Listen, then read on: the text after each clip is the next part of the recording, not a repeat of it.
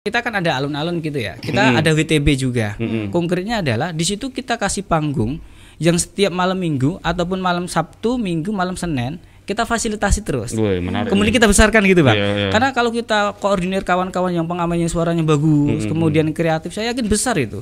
Daripada mereka berkeliaran ke mana-mana gitu, Mm-mm. ke jalan, ke kafe yang uangnya nggak jelas, nggak pasti. Mm-mm. Ketika mereka jadi seorang youtuber profesional, nggak perlu lagi kita ngasih uang, udah pasti mereka besar gitu. Iya, iya, Tapi iya. kan perlu panggung gitu ya, Iya. perlu panggung yang perlu disediakan sama pemerintah, perlu difasilitasi dan perlu dibesarkan.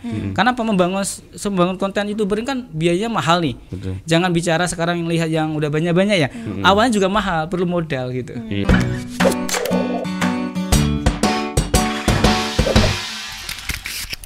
Journey perjalanan itu ya. Mm-mm. Karena kalau kita hanya di kota kita aja mungkin seolah-olah kota kita ini yang terbaik, seolah-olah Iya, ya. iya, Makanya iya, kan kita iya, kan betul. perlu bukan bicara studi banding lah ya. Ketika kita ada acara apa, maka kita berkunjung ke daerah mana sebagainya. Banyak sekali daerah-daerah yang sekarang tempat wisata baru.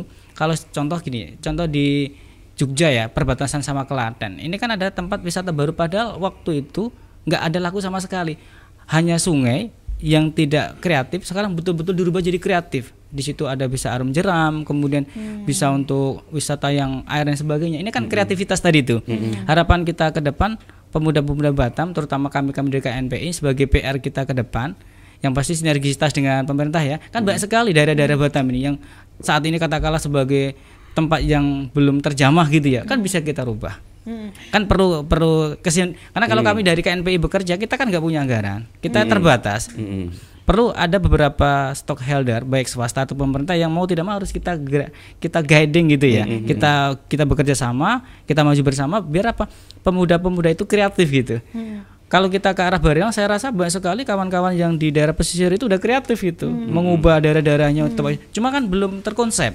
Betul, betul. jadi artinya saya daerah A gitu ya, Remang Cate atas Ma- itu kan inisiatif pribadi masing-masing, dana pribadi masing-masing, kelola masing-masing, artinya kan nggak resmi nih.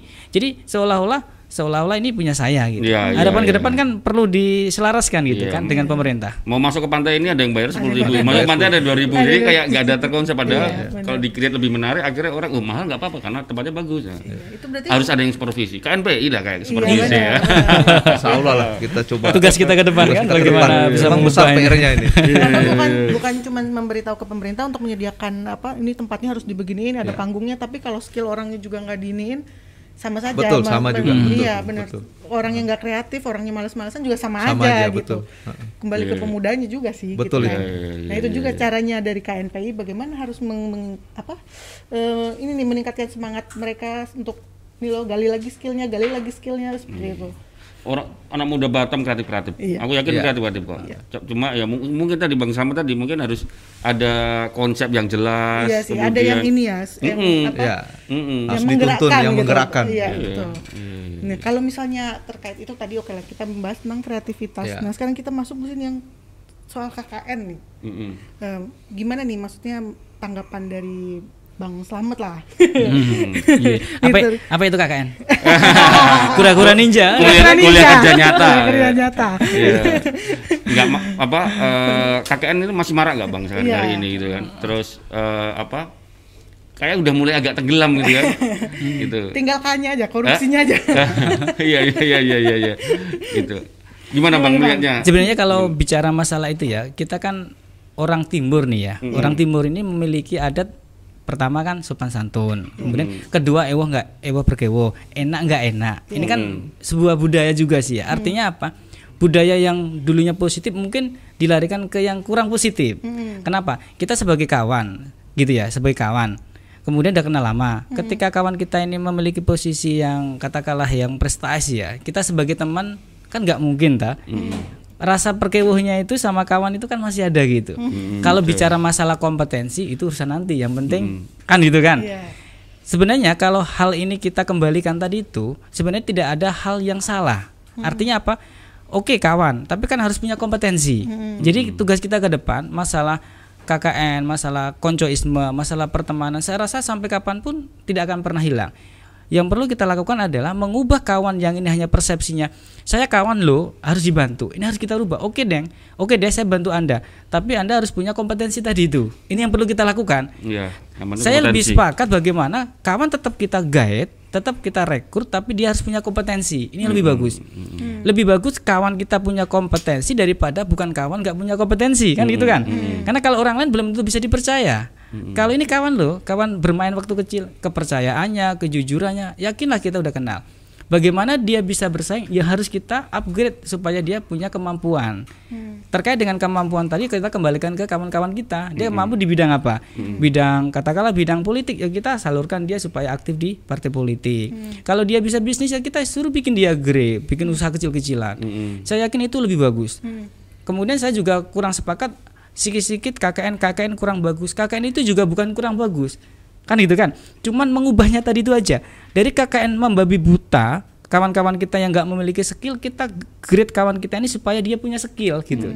Kalau sama-sama punya skill kan gak ada masalah kita rekrut kawan kita dong Mm-mm, kan gitu kan? Artinya apa? Nggak ada masalah. Yang penting kawan ini punya kompetensi punya kemampuan di bidangnya. Itulah yang luar biasa. Bukan berarti semua KKN salah enggak gitu. Iya, jadi misalnya gini, apa? Mentang-mentang anggota KNPI atau teman-temannya di KNPI itu sekarang jadi ini gitu kan. Lah, k- karena di situ mungkin punya kompetensi, dia aktif di organisasi udah terbukti udah kelihatan misal contoh. Nah, itu kan nggak apa-apa gitu kan. Tapi kalau hanya tadi apa? Secara apa tadi bahasa numpang secara- nimbrung ya apa gitu. ngomong ngomongin KKN tadi hanya sekedar apa tadi? Seperti bahasanya tadi ya, asal-asalan nyebut KKN itu mesti salah ya nggak nggak mesti kayak gitu juga. Tergantung ya semuanya tentang kompetensi ya. Hmm. Tapi kalau itu kan masih terkait nepotismenya aja, Bang. Dari korupsinya. Kalau korupsinya semua kita sa- saya yakin lah ya pasti kan menolak gitu ya. Saya yakin semua golongan, semua elemen baik kawan ataupun non kawan pasti kita akan menolak adanya korupsi, tadi itu. Cuma ketika yang perilaku ini adalah personal, oknum pribadi ya jangan disalahkan kawannya juga. Mm-mm. Contoh gini, oh itu kawannya Bung Slamet, oh itu kawannya Bung Karmin. Salah. Yang korupsi dia jangan nyalakan kita dong. Kan gitu kan. Ketika korupsi kembalikan ke masalah mekanisme hukum. Ketika kita membantu dia itu kan berdasarkan kompetensi tadi itu. Apabila yang bersangkutan sudah memiliki posisi, kemudian dia melakukan korupsi, ya jangan salahkan kami-kami dong. Salahkan yang bersangkutan. Betul nggak? Kan harus seperti itu. Jangan membabi buta. Oh, ini yang Nah, korupsi ini temannya buta. Bung Slamet. Iya. Ini temannya Bung Karmen juga nggak boleh. Iya. Kan gitu kan. Iya. Jadi seolah-olah seolah-olah nih seolah-olah kami ini yang sudah membantu salah enggak juga yang salah itu oknumnya kan gitu kan Iya. kecuali kami kami juga terlibat oke lah proses secara secara hukum gitu Iya iya iya iya. iya. Ya, betul, membabi buta maksudnya itu buta tadi ya. Itu tetap Semua lihat salah ya. Nggak Iya, boleh ya. iya. Semua salah ya. Iya.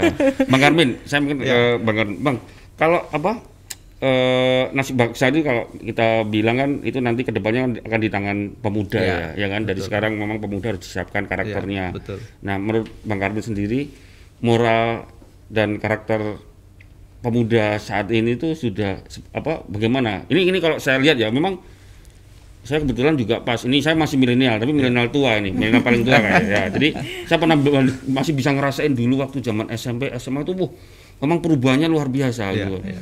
dulu namanya apa ketemu orang tua kalau nggak nunduk itu Iya, iya. wah mungkin bisa dilempar apa dulu saya zaman Betul, kecil ya betul, tapi iya. sekarang pun waduh ini ini ini kan terkait dengan Betul, dengan betul, moral ya betul, iya. dulu orang pakai baju kebuka sedikit aja orang tua pasti udah Ngomel. mungkin bisa dicambuk kalau Betul. sampai rumah kan Iya. sekarang mungkin udah mohon maaf ya mohon maaf ya ini ya Betul. kalau ini ya Bes. ini kan terkait dengan moral Ya, Menurut Bang Karmin sendiri gimana Bang Ya, ini yang jadi persoalan kita ke depan.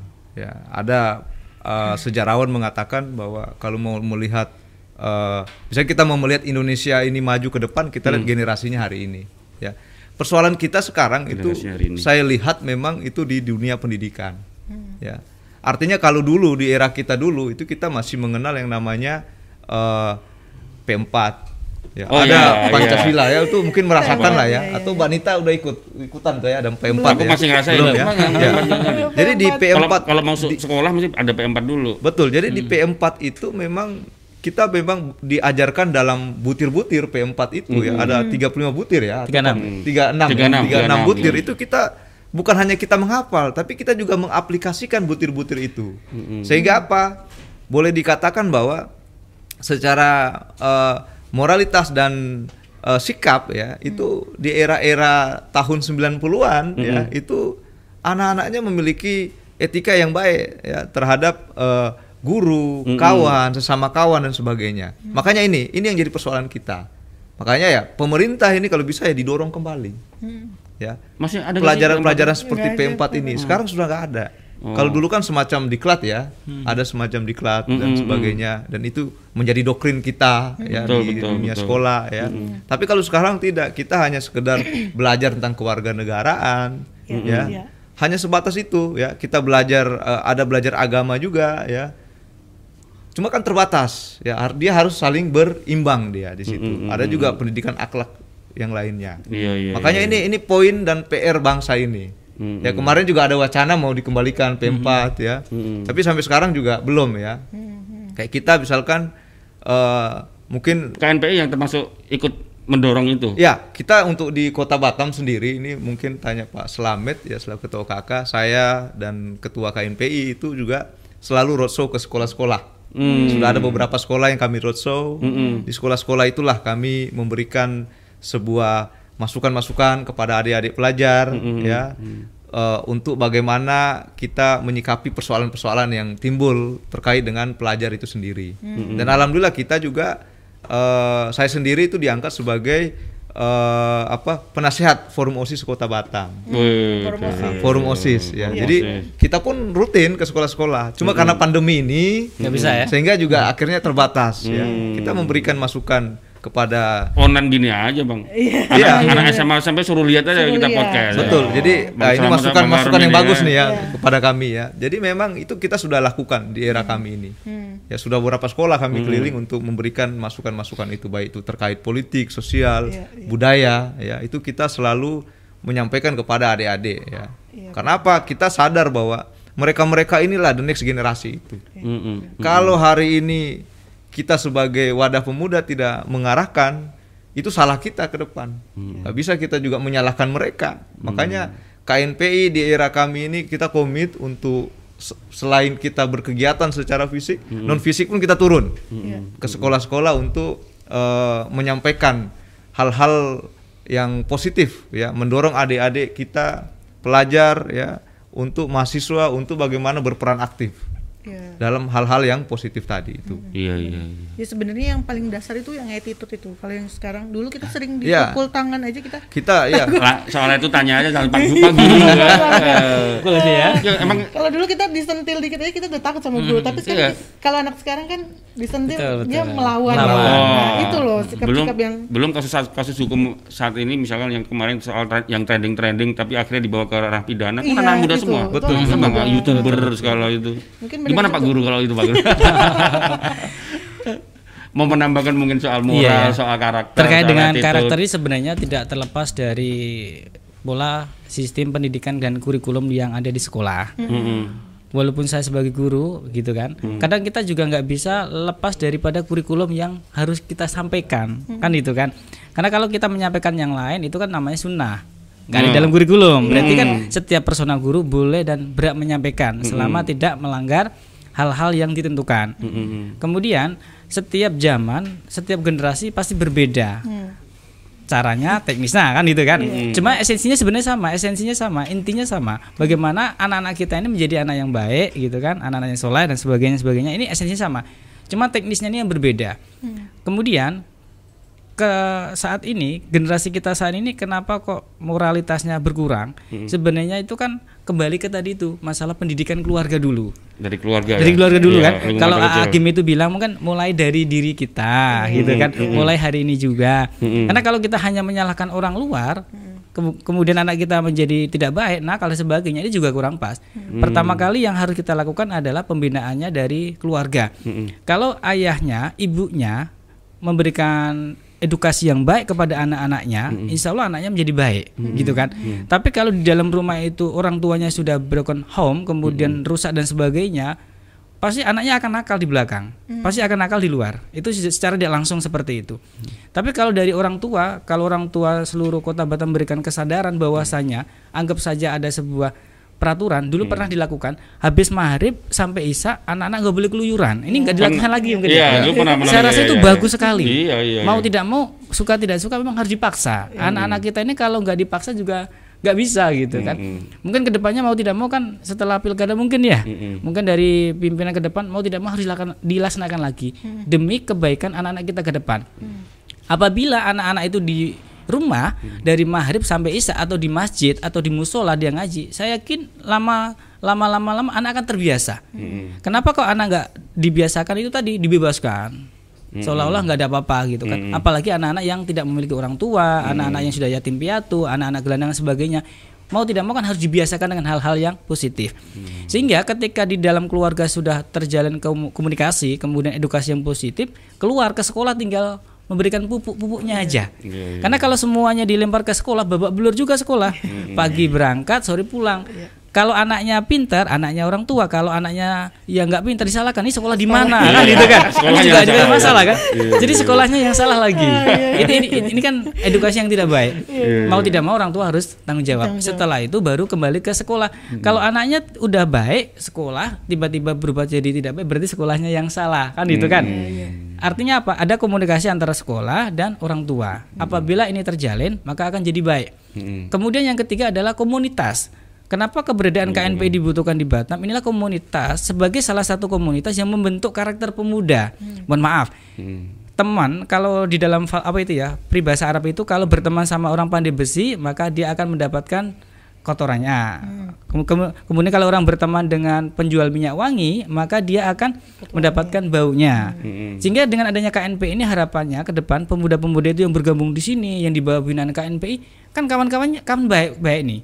Kawan-kawan yang di KNPI kawan-kawan semua kawan-kawan baik-baik kemudian memberikan inspirasi, memberikan hal yang positif, insya Allah hasilnya juga akan positif. Daripada anak-anak, pemuda-pemuda kita yang tidak jelas, nggak memiliki komunitas, keluyuran di pinggir jalan, nongkrong di pinggir jalan, kemudian suka malah orang, ini kan nggak bagus. Mau tidak mau kan harus ada sinergisitas tiga, tiga hal tadi itu, orang tua, sekolah dan komunitas.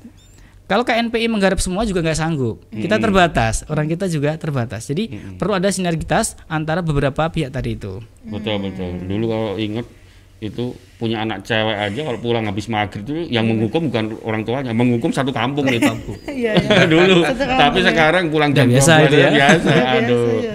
Mungkin- bang Armin saya mungkin menanya ini bang apa Ya. aduh kok malah jadi lewat ini apa eh tadi mungkin menyambung dari bang Slamet tadi Iya, ah. sepertinya saya melihat ini KNP ini penting sekali untuk untuk untuk menggerakkan untuk istilahnya apa mendorong apa pun itu banyak banget hal positif yang bisa dilakukan KNPI tapi mungkin nggak sampai hari ini orang berpersepsi Ya. KNPI itu lebih ke politik Ya. maksudnya dari dari organisasi atau dari dari KNPI sendiri di Ya. Batam pun sehingga apa apa yang dilakukan KNPI kalau saya melihat ini luar biasa apa yang bisa dilakukan KNPI cuma mungkin gaungnya atau mungkin apa ya bahasanya kalau sekarang kemarin kita sering ngobrol sama tim media itu apa resonansinya untuk buat anak-anak muda bahwa harus begini harus begini itu mungkin belum kerasa kali bang atau apa bang? Iya, itu yang jadi persoalan dia ya. Persoalan sendiri terkait Hmm. dengan KNP ini. Memang selama ini ya banyak yang bergabung di KNP itu adalah eh, kawan-kawan yang memang selain birokrat juga memiliki eh, apa memiliki semangat-semangat politik tadi Hmm. ya. Mungkin itu image itu yang terbangun. Karena memang, Memang- memang dari benar ya, dari memang rahim ya. KNP ini lahir para politik-politik besar, Iya, tokoh-tokoh politik besar yang Iya. baik di nasional, tingkat di provinsi mau tingkat kabupaten kota. Nah, makanya ini yang jadi persoalan kita. Di era kami ini kami rubah itu. Ya, kami rubah itu dan terbukti dengan apa yang sudah kami buat bahwa KNP itu tidak melulu politik. Ya. Saya selalu sampaikan di pro, proker kami kam- kemarin ya, Rakerda, rapat kerja daerah kemarin itu saya sampaikan kepada seluruh pengurus bidang itu untuk membuat kegiatan sesuai dengan bidangnya masing-masing. Tidak melulu terkait dengan politik.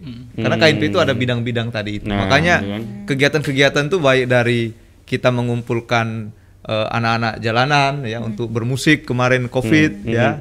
Covid kemarin ya. Kemudian juga anak-anak sekolah debat bahasa Inggris juga kita lakukan. Ya, UMKM untuk masyarakat juga kita lakukan ya. Di dalam itu juga ada pemuda ya, tidak hanya masyarakat secara umum ya. Kemudian juga eh, futsal ya, juga untuk menggali potensi-potensi anak muda ya. Dan kita masuk di lingkup eh, politik sosial dan budaya tadi. Tidak hanya dalam sukup itu, karena memang selama ini kan eh, selalu dipersepsikan bahwa KNP ini melulu politik gitu. Hmm. Kebetulan saja memang di dalam KNP tadi itu DPR. Iya, Nah, kebetulan ada saja di KNPI dalam. KNP itu banyak tokoh-tokoh eh, politik ya, kemudian menjadi tokoh-tokoh nasional dan tokoh-tokoh daerah. Makanya ini di era kami kita sudah coba merubah mindset-mindset itu. Khususnya kita ingin mendorong anak muda itu lebih ke kreativitas mereka, kemudian juga bagaimana mereka mampu untuk eh, mengejar peluang ekonomi ya dari hasil seni mereka itu. Mm-mm. Ya, jadi juga mereka bekerja selain hobi, tapi juga mendapatkan sesuatu dari situ. Makanya kita kegiatan selalu gandeng youtuber. Ya pernah kita kegiatan gandeng youtuber. Kita kegiatan juga gandeng kawan-kawan pengamen jalanan. Ya yang punya komunitas-komunitas itu. Ya kemudian juga eh, kawan-kawan yang memiliki apa seni melukis. Ya itu selalu kita gandeng dalam kegiatan-kegiatan KNP yang sudah kita lakukan berapa kali ini. Ya makanya saya bilang tadi bahwa kami pokoknya khususnya di era kami ini periode 2019-2022 ini kita konsen untuk menggali seluruh potensi yang ada, tidak melulu politik. Tidak Weh, perlu ya, politik. itu tidak mau politik. Jadi Tapi kan- politik juga perlu kita kasih mereka melek Iya. agar apalagi dalam kondisi ini jangan sampai golput. Hmm, ya. Nah, itu. iya. Betul, nanti kita bahas itu ya. uh, udah 48 menit. 48, iya. Teman-teman yang live di Facebook kan ada yang bertanya nih, ya. Iya. Mungkin disiapin pertanyaan, Pak Man? Udah ada, udah siap? Kita jawab dulu takutnya nanti nggak kejawab. Kalau ada pertanyaan nggak dijawab nanti komplain dia Iya, Ah. komplain dia. Nggak nonton lagi dia wah, mungkin bisa disiapin. Sudah? Ada? Belum? Nah mungkin sambil Oke, sambil- sambil sambil nunggu ya, aja. sambil nunggu, bang. eh, apa? te- mungkin terkait dengan moral, mungkin termasuk dengan tujuan visi misi itu bagaimana harus menyampaikan ke ini selama ini bagaimana KNPI mem- memanfaatkan sosial media? Ya, selama ini ya kita sangat sangat aktif menggunakan sosial media itu. Ya, jadi KNP punya eh, Instagram, Ada ya? KNP punya Facebook, ya, Mm. dan kita selalu men-share kegiatan-kegiatan yang sudah dilakukan oleh KNPI. Instagramnya apa bang? Ya. Instagramnya. eh. Wah, ini dia. Ah lupa nih bang Armin. Saya lupa KNPI. Bukan apa operator Cari ya? cari Ya, kita aja nanti saya akan Bang. carikan ininya. KNPI Nanti semuanya Bang. boleh bergabung di situ. Aktif ya di. Aktif ya. Jadi Aktif ya? setiap kegiatan kita tuh ada di situ. Kita Hmm. update, update kegiatan-kegiatan kita. Hmm, Ah, Oke. Oke, ini ada Pertanyaan? pertanyaan nih. Boleh di ini. Oh, Suhar Ojan. Program KNPI sendiri apa Bang saat pandemi ini? Oh, tadi Ya. sempat, sempat dijelasin dikit Iya. tadi. Ya, Ah. jadi eh, saat pandemi ini sudah ada beberapa Kegiatan ya? program kegiatan yang kita lakukan. Ya, kemarin kita juga eh, ada eh, kumpul-kumpul eh, beras ya dari seluruh pengurus KNPI untuk masyarakat ya. Khususnya kemarin ada masyarakat yang eh, kebakaran ya, ada pasar kebakaran di Botania. Yaitu kita swadaya kita juga kemudian kita juga sudah melakukan bagi-bagi masker. Ya, bagi-bagi masker ya di beberapa titik ya sampai ke wilayah Punggur sambil goes kita ya sambil goes pemuda kita sampai eh, membagi-bagi masker ya. Kemudian yang ketiga juga konser amal kemarin ya hasil dari konser amal itu kita membeli eh, APD ya? alat medis ya untuk membantu tenaga-tenaga medis yang ada di eh, Kota Batam kemudian juga kita melakukan edukasi ya kita kemarin juga ada dialog dengan eh, eh, kawan-kawan rekan-rekan masyarakat yang terkena eh, COVID sehingga juga dari dari mereka diberikan kiat-kiat kepada masyarakat ya melalui media sosial apa-apa saja yang harus dihindari dalam hal COVID ini itu sudah kita lakukan. Oh, Iya. banyak bang Ujan ya. iya. Banyak. Banyak yang dilakuin. Ada lagi? Nah ini. Rudi. Oh, ini bukan Pak Rudi kan? Oh, bukan. Oh, bukan, takut kita. Rudi S. Salah gitu ya. Rudi S, bagaimana tanggapan Abang dengan anak-anak muda yang suka melakukan sesuatu supaya viral? Kebanyakan viralnya negatif kalau viralnya karena prestasi sih bagus kan, Bang? Ya, coba Mas Lame, saya kasih Mas Lame. Ah, iya. Pak Guru ya. Sebagai pendidik ya. Benar benar. Benar. Jadi ke depannya memang-. Persepsi masyarakat terutama anak kita anak-anak muda ini ya persepsinya ini kalau mau tenar gitu ya mau terkenal itu kalau mau viral itu harus yang positif. Itu kan mau tak mau kan harus kita masukkan gitu ya. Kenapa kemudian yang kedua apabila ke depannya anak-anak kita muda dia viral dengan cara-cara negatif melanggar hukum dan sebagainya harapan kami mungkin harus ada punishment. Dalam hal ini dari kepolisian. Kenapa kalau cuma diperingatkan mereka biasa aja pun biarin aja yang penting saya terkenal. Paling cuma diceramahin gitu kan. Kalau harapan saya ke depan memang harus ada punishment kepada anak-anak kita muda anak-anak kita terutama yang masih muda-muda masih remaja. Mau tidak mau harus ada punishment. Dengan adanya punishment dia akan berpikir kalau mau cari viral dengan hal yang negatif atau melanggar hukum dia kan nggak akan berani gitu kan? Tapi kalau nggak ada punishment sama sekali pasti akan dilakukan lagi. Yang penting kan terkenal. Setelah terkenal followernya banyak, gitu ya yang nonton banyak jadi dia dapat duit. Iya. ini kan nggak mengedukasi. Betul, ini kan kurang betul, bagus kurang tepat. Ada namanya reward and punishment tadi itu. Kalau dia melakukan hal yang positif kita kasih dia apresiasi. Kalau dia melakukan negatif mau tidak mau harus ada sanksi hukum gitu. Apabila mohon maaf lah ya jangan hanya kawan-kawan yang demo yang di penjara gitu ya. Melakukan banyak pasal kalau pasal kan banyak sekali. Kawan-kawan yang melakukan hal-hal yang negatif atau melanggar hukum terkait dengan masalah viralisme tadi itu mau tak mau harus dihukum juga gitu ini kan biar adil juga gitu Iya, kan iya, iya. biar ke belakang hari dia tidak melakukan hal yang sama lagi ataupun orang lain tidak melakukan ikut-ikutan lagi gitu. Iya, iya. Kemarin yang viral tuh, saya kan orang anak orang kaya ya, gitu ya. ya itu dibully viral. Iya. Apa followernya malah tambah banyak. Malah Habis itu diundang di TV lagi. Iya, itu makanya. gimana tuh ceritanya? Iya, harus- Aneh-aneh harus aja ya. punya iPhone gitu ya gitu. iya, iya. Ada lagi lagi Ada ya? lagi nih. Yuk. Meli Ananda, Bang, gimana tindakan pemimpin memperlakukan pendekatan emosional anak muda? Kan banyak karakter dan waktu dalam satu organisasi ini, Bang. Tindakan pemimpin memperlakukan pendekatan ini. Ya, Oh, jadi iya, dalam iya. organisasi, Iya, dalam mungkin organisasi. masaknya beda-beda nih, Bang. Jadi memang di KNP ini seperti yang disampaikan melalui pertanyaan Mbak Mili Ananda ini memang betul. Jadi di KNP ini rata-rata yang bergabung itu ketua-ketua organisasi kepemudaan. Nah, itu. Mm-mm, Ya. mm-mm. Jadi memiliki ragam pemikiran yang berbeda-beda. 99 tadi ya. Ya. Jadi di era kami ini kami selalu pesankan ya, bahwa kita kalaupun ada hal-hal yang perlu disampaikan kepada eh, pemimpin khususnya ketua KNP dan kepengurusan ya itu juga perlu hal-hal yang eh, konstruktif membangun ya. Dan kita selama ini selalu melakukan pendekatan-pendekatan itu dengan bagaimana apa yang ingin mereka lakukan. Ini bidang-bidang kita kan di KNP itu ada bidang-bidang tuh. Kita bebaskan bidang-bidang. Silakan berbuat kegiatannya. Kita tentu sebagai pemimpin ya yang memiliki posisi strategis itu kita akan memberikan eh, baik itu material ya dengan seadanya. Yang penting kegiatan ini ada gitu. Jadi kita harus memberikan ruang-ruang itu. Ya. Selama ini pemuda itu kan merasa bahwa eh, khususnya dalam kepengurusan itu ini selalu dinominasi ketua, sekretaris. Kalau di era kami ini tidak. Ya. Rata ya. Semuanya kita berikan ruang. Tidak semua kegiatan tuh saya dan Bung Tedinu itu hadir. Selalu bergantian. Mau itu pertemuan dengan ABCD ya, stakeholder ataupun pertemuan dengan masyarakat ataupun eh, pembagian sembako dan sebagainya itu kita me- menginginkan semua itu berkontribusi ak- berkontribusi aktif dia dalam hal kegiatan itu dan kita beli laluan kepada kawan-kawan untuk membuat kegiatan-kegiatan tadi itu Iya, sehingga iya. mereka juga merasa dihargai dan di situlah eh, pendekatan secara emosional itu jalan Mm-mm. Iya.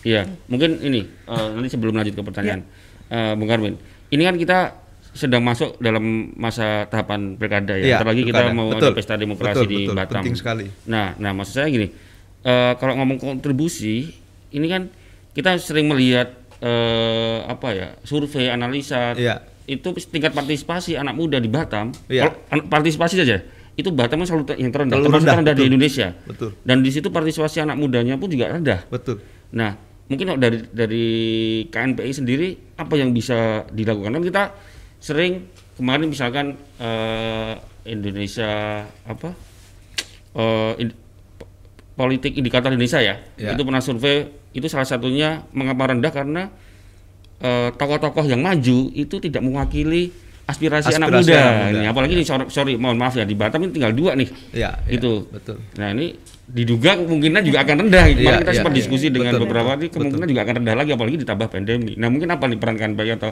Ya, jadi memang lah anak muda. apa yang alur yang disampaikan tadi itu memang betul, Bang. Hmm. Ya. Karena memang eh, selama ini ya itu kenapa partisipasi pemuda ini rendah? Memang itu eh, pengaruhnya apa? Karena memang mereka merasa selama ini pemimpin khususnya yang ikut bertarung itu tidak memiliki satu hal khusus ya terkait dengan program-program kepemudaan yang nyata tadi dan real. Makanya banyak pemuda itu apatis. akhirnya cuek? Ya, oh ini kemudian juga emang bantuin aku nih. Pemuda-pemuda juga melihat ya, melihat di televisi, di berita-berita itu banyak yang ketangkap korupsi, ya banyak yang nepotisme, KKN. Ini juga akhirnya membangun satu mindset yang eh, jelek tentang politik tadi itu sendiri. Padahal tujuan politik itu jelas untuk mesejahterakan masyarakat. Tujuannya mulia, tapi oknum-oknum ini ya yang membuat akhirnya apa? Pemuda-pemuda tuh melihat, waduh ini begini politik, mending kita golput. Ya sudahlah aspirasi kita tidak eh, sepu- s- tidak sepenuhnya bisa mereka representasikan dalam kebijakan, ya kemudian juga perilakunya juga keluar dari situ, ini juga jadi persoalan. Dan yang sudah dilakukan KNP itu memang eh, kita sudah turun ke sekolah-sekolah juga untuk memberikan edukasi itu. Jangan sampai golput pada pemilu. Mm-mm. Karena memang apa eh, kami sampaikan ke adik-adik bahwa apa pun yang terjadi dalam kehidupan kita ini ya bermasyarakat ya berbangsa bernegara itu semua melalui jalur ini. Mm-mm. Sehingga apa? Harga beras ya, harga bawang, kebijakan tentang kepemudaan, kebijakan tentang sektor budaya, olahraga itu semua melalui sektor politik. Sehingga ya kita memberikan edukasi ke mereka, tinggal mereka nanti eh, kita sarankan untuk melihat visi misi ya dari calon-calon tadi agar mereka jangan sampai golput, melihat yang paling baik Mm-mm. uh, untuk kontribusinya terkait dengan pemuda dan secara umum tadi. Dan kita sudah turun itu, bukan baru bicara, kita sudah bicarakan dari tahun lalu malah ya terkait dengan ini. Makanya kita kemarin juga sering pasang baliho-baliho ya untuk pemuda untuk jangan golput. Ya, kita pasang itu baliho di mana-mana agar uh, masyarakat pemuda khususnya jangan golput. Karena betul yang disampaikan abang tadi bahwa partisipasi pemuda itu paling rendah. Mm-mm. ya tidak mencapai 50% pun tidak mencapai. Iya. Ini jadi 47 ya, Iya, Batam ya? 49 47 ya. Yang 2015 Iya, itu 2024. Jadi setelah kami cross check itu yang jadi persoalan tadi. Makanya kita pemuda itu butuh pemimpin, ya ini khususnya nih di momen pilkada begini, butuh pemimpin yang bagaimana mampu menyerap ya aspirasi para anak muda tadi, ya terkait dengan eh, minat bakat mereka tadi. Ya banyak kayak youtuber ya kemarin juga pernah diskusi juga mereka merasa pemerintah kurang nih, ya padahal nih kita nih mau menuju Batam eh, apa untuk pariwisata ya, tapi coba kita manfaatkan kawan-kawan khususnya yang bekerja di Iya. youtuber dan se- sebagainya untuk bagaimana mempromosikan Batam. Ada nggak sih debat publik Iya. gitu? Maksudnya anak apa eh, organisasi atau apa itu boleh apa nanya, gitu Nanya, loh. iya. Ya ini Jadi persoalannya ada ada Pandemi ya. lagi ya? Nggak ada ya? Sepertinya nggak Belum ada. ya? Ini Nah, jadi persoalan itu. itu, dia. Mungkin nanti kita Apalagi langsung- kemarin sempat ada ada yang secara image tuh ada sosok anak muda sebenarnya yang maju tapi nggak jadi maju gitu iya. ya. Jadi kemarin juga ya kayak Ada si Rian apa, Ernest. Rian Ernest, ya ada beberapa Bang- lagi. Bang ya. Chandra kan sempat, Iya. sempat di image kan anak muda Bang Betul, Chandra betul, kan. betul, ya. Gitu. Mungkin lanjut ke pertanyaan deh. Nanti ini udah Uh, udah satu jam. Ayo. Cukup. Noviana Larasati, wih, mumpung lagi podcast bersama KNPI, Bang, bagaimana tanggapan Abang mengenai anggapan masyarakat bahwa KNPI tidak punya lagi peran strategis untuk memperjuangkan pemuda? Karena sepanjang kiprahnya banyak dijadikan sebagai alat mobilitas vertikal untuk jabatan politik atau menjadi lahan penghidupan yang mengatasnamakan kaum muda. Tidak ber- bermaksud menjatuhkan, Bang, tetapi apakah ini benar? Nggak apa-apa ya, Bang, jangan marah ya. Jadi memang Pas ya. pertanyaannya adalah sebuah hal yang memang kritik yang Iya. eh, memang itu yang sering terjadi selama ini. Iya. Ya, sering terjadi bahwa eh, KNP itu hanya dijadikan sebagai batu loncatan. politik ya. Iya. Ya, Ini yang jadi persoalan kita dan kita menerima kritik-kritik ini. Makanya saya bilang tadi di era kami ini berbeda-beda warna, berbeda-beda eh, pemikiran, ya tapi kita coba satukan ini. Contohnya seperti sekarang ini ya, KNPI tidak ada mengarahkan anggota untuk ikut eh, salah satu paslon berpolitik. Kita bebaskan, kita netral, kita bebaskan para anggota untuk silakan memilih, ya. Dan kita juga tidak ingin ini hanya dijadikan sebagai alat mobilitas, tapi benar-benar kita berbuat untuk kerja-kerja kepemudaan. Ya, selama sisa jabatan kami ini kita akan benar-benar berbuat untuk itu. Ya, makanya kita nggak main-main di era kepengurusan ini, bergerak terus. Ya, dan kawan-kawan saya yakin lah sudah merasakan bahwa eh, ada hal-hal sentuhan yang juga kita lakukan eh, terkait dengan kegiatan-kegiatan kepemudaan yang ada tadi. Tidak hanya melulu politik tadi. Yang malah tidak ada kegiatan politik yang kita lakukan. Ya, kalau Lebih lihat dari kegiatan yang ini kan persepsinya masih politik kan, Pak? Iya, Ini iya, ini PR lah buat KNPI iya. ini karena Iya. presi di masyarakat ya ini politik, gitu. Politik. Gitu. Ada banyak yang sudah dilakukan Sudah oleh KNPI Kota iya. Batam. Oke. Satu lagi deh, satu, Satu lagi. lagi ya. Satu lagi, Bisa. ya. Satu lagi.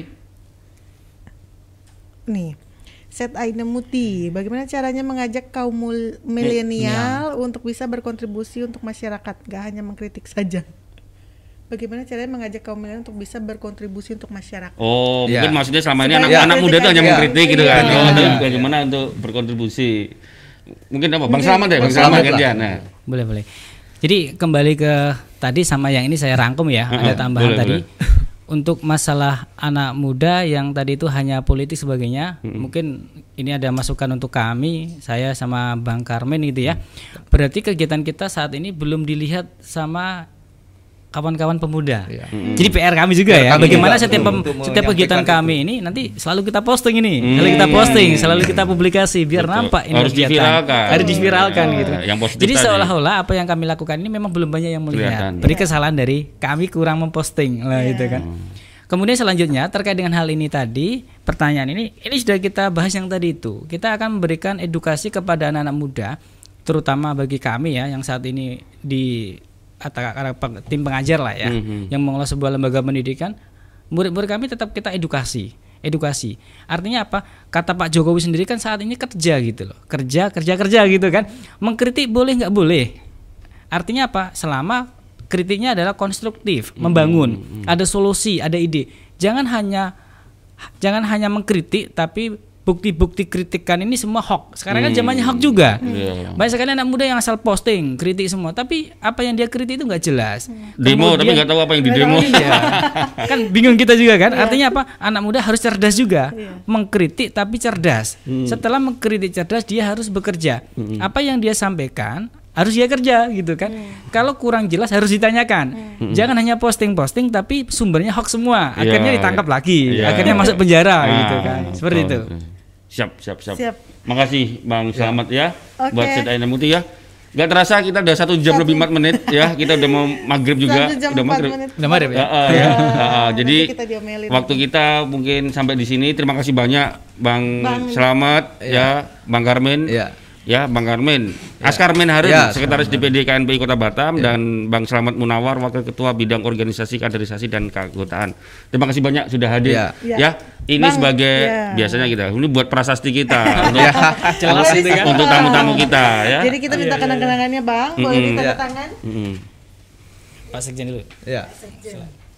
Ya, jadi kalau ada masih ada yang mau nanya nggak apa-apa silahkan nanti kalau misalnya ini nanti Nanti dijawab sama sama teman-teman. ya teman-teman KNPI. KNPI dah ya Iya. pertanyaan tadi ya. Iya. Di mana tanda tangannya Mbak Nita? Nah, Boleh di bagian di Bang. dekat dekatnya Mas Karmen. Oh, gitu. Nah. Ya. Ya, boleh di situ. Hmm. Oke, jangan lupa ya subscribe YouTube channel kita Tribun Podcast dan juga follow Instagram kita @tribunpodcast dan juga dengar juga spot, eh, pembicaraan kita atau topik-topik yang sebelumnya yang mungkin kelewatan bisa didengar di Spotify dan di Anchor. Betul. Oke, Tribun. Jangan lupa pula follow Instagramnya KNPI ya, Batam. DPD KNPI Batam ya. Ah, betul, DPD. KNPI Batam. DPD biar tahu kegiatannya. Batam ya. Iya, iya. Oke. Facebooknya ada, Facebooknya, Bang? Bang? Sama DPD KNPI Batam Nah, juga. Oke, itu. Ini, Iya, Mas. iya. Terima kasih, terima kasih Bang Askarmin Harun dan Bang Selamat Munawar ya. Terima kasih Wih. sudah main ke Bukan angka ya. Nggak boleh ya, nggak boleh ya. gini. Oh gini. Salam pemuda. Oke, oke, ya. Makasih. Terima kasih Tribuners, terima kasih Bang sekali lagi. Ya. ya. Sama-sama. Sama-sama. Sehat selalu dan tetap semangat ya. Ya, Semangat. Kapan-kapan di tema yang berbeda kita bisa undang Siap, lagi Iya, ya. siap. ya. Sebenarnya nggak Kita berasa kita satu, Ya, satu jam satu kan. jam. Nampaknya kurang lagi ya. Iya, kurang, kurang. Oke Tribuners ketemu lagi ya. Siap. Dadah.